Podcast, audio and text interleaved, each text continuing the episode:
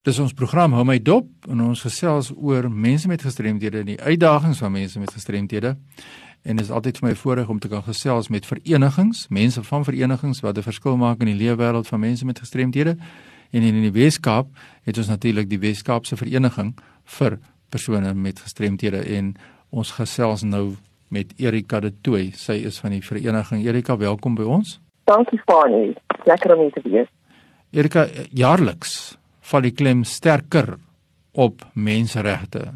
Hier in, in Maart maand is amper nou by Menseregte Dag.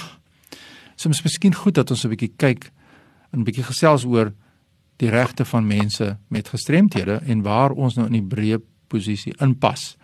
Maar ek is ook baie keer voel ek ongelukkig as mense, mense met gestremthede as mense in 'n eie gemeenskap etiketeer. Met ander woorde, ons praat van hulle, daar, die gestremdes daar asof ons nie deel van die Hebreë gemeenskap is nie. Ons is deel van die Hebreë gemeenskap en daarom wil ek graag julle mening by die vereniging toets en hoor het menseregte in watter mate betrekking op persone met gestremthede. Dit is absoluut van dat menseregte betrekking het op persone met gestremthede. Ons eie grondwet van Suid-Afrika het die handves van menseregte en daarin sê alle persone, dit sê almal behalwe die gestremdes of almal behalwe die van 'n ander taal of die wat 'n ander geloof het. Dit sê almal. En dit bly persone met gestremdhede in, maar ongelukkig in die samelewing is daar 'n geneigtheid om op die eerste persoon te fokus. Die first must be die, average persoon. En daarmee word die kinders die enigste van ons af verskil uitgesluit. Ongelukkig is dit so. Ek lees in die nuusblad 'n praat van kinders wat in normale skole is en dieselfde sinnetjie verwys hulle na kinders wat in skole vir gestremdes is.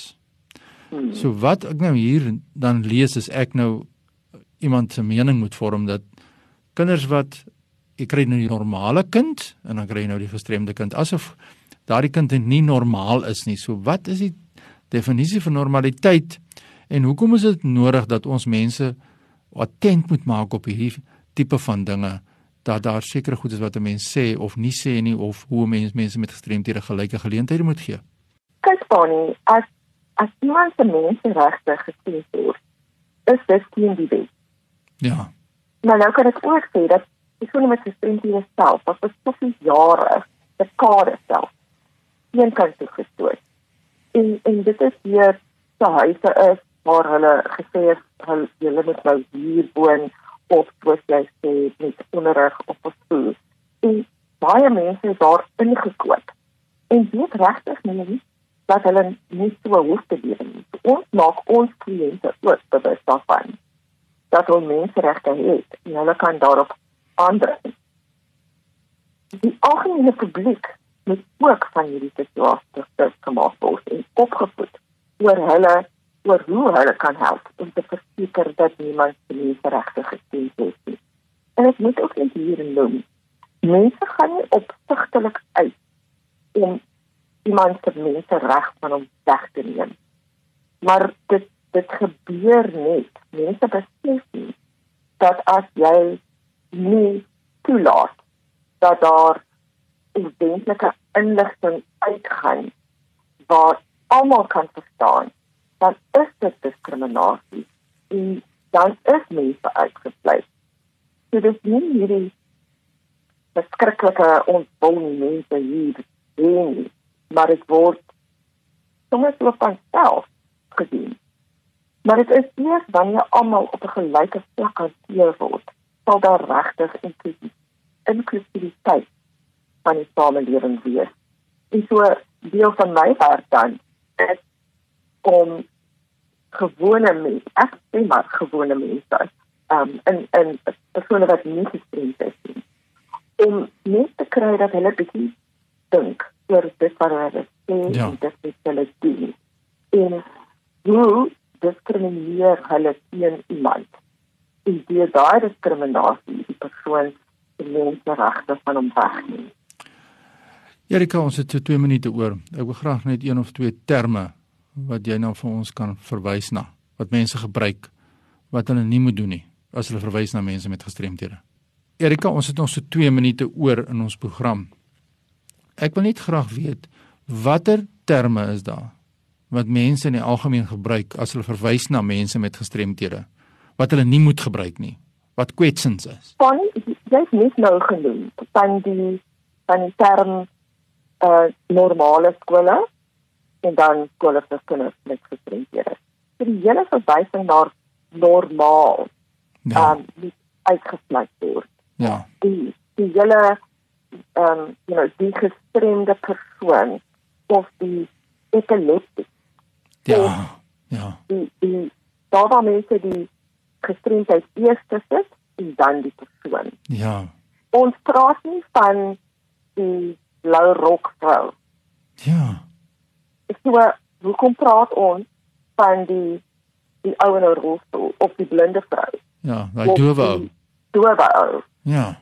Want die persoon het hulle eie persoonlikheid, hulle het hulle eie karakter. Absoluut. Ehm um, ons kan wel sê daai snaakse ou wat 'n rolstoel gebruik, dit kan ons sê maar deur iemand te identifiseer um of ek kan maar sê op 'n label ja. met sy diagnose. Ja. Is is nie reg nie. Dit ja. dit dit gee aanstoot en dit is negatief en dit dit help glad nie vir um vir insluiting. Ja. So as jy maar gerus you know um die ou wat 'n rolstoel gebruik of die man op die radio met gehoor verlies ja. of so iets. Um dit is altyd die persoon eerste. En en ek dink die die eerste plek is gebruik die persoon se naam. Ja. Um hulle het 'n naam vir 'n rede. Um as jy nie die persoon se naam ken, dan is dit fyn om te sê, you know, daardie persoon wat wat ek hierdie gebruik op. Ja. Erika, ons tyd het ons ingehaal.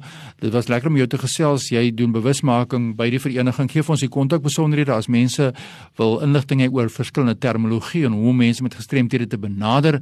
Wat is jou telefoonnommer of e-posadres? Ons kantoornommer is 021 355 2881. En ons webwerf, dink dit is die maklikste, is www www.apd.org.za. Ja, dit is die mening van Erika de Tooys. Die e-pos aan my wil stuur, my e-pos is fani.dt by mweb.co.za. Groetens tot 'n volgende keer.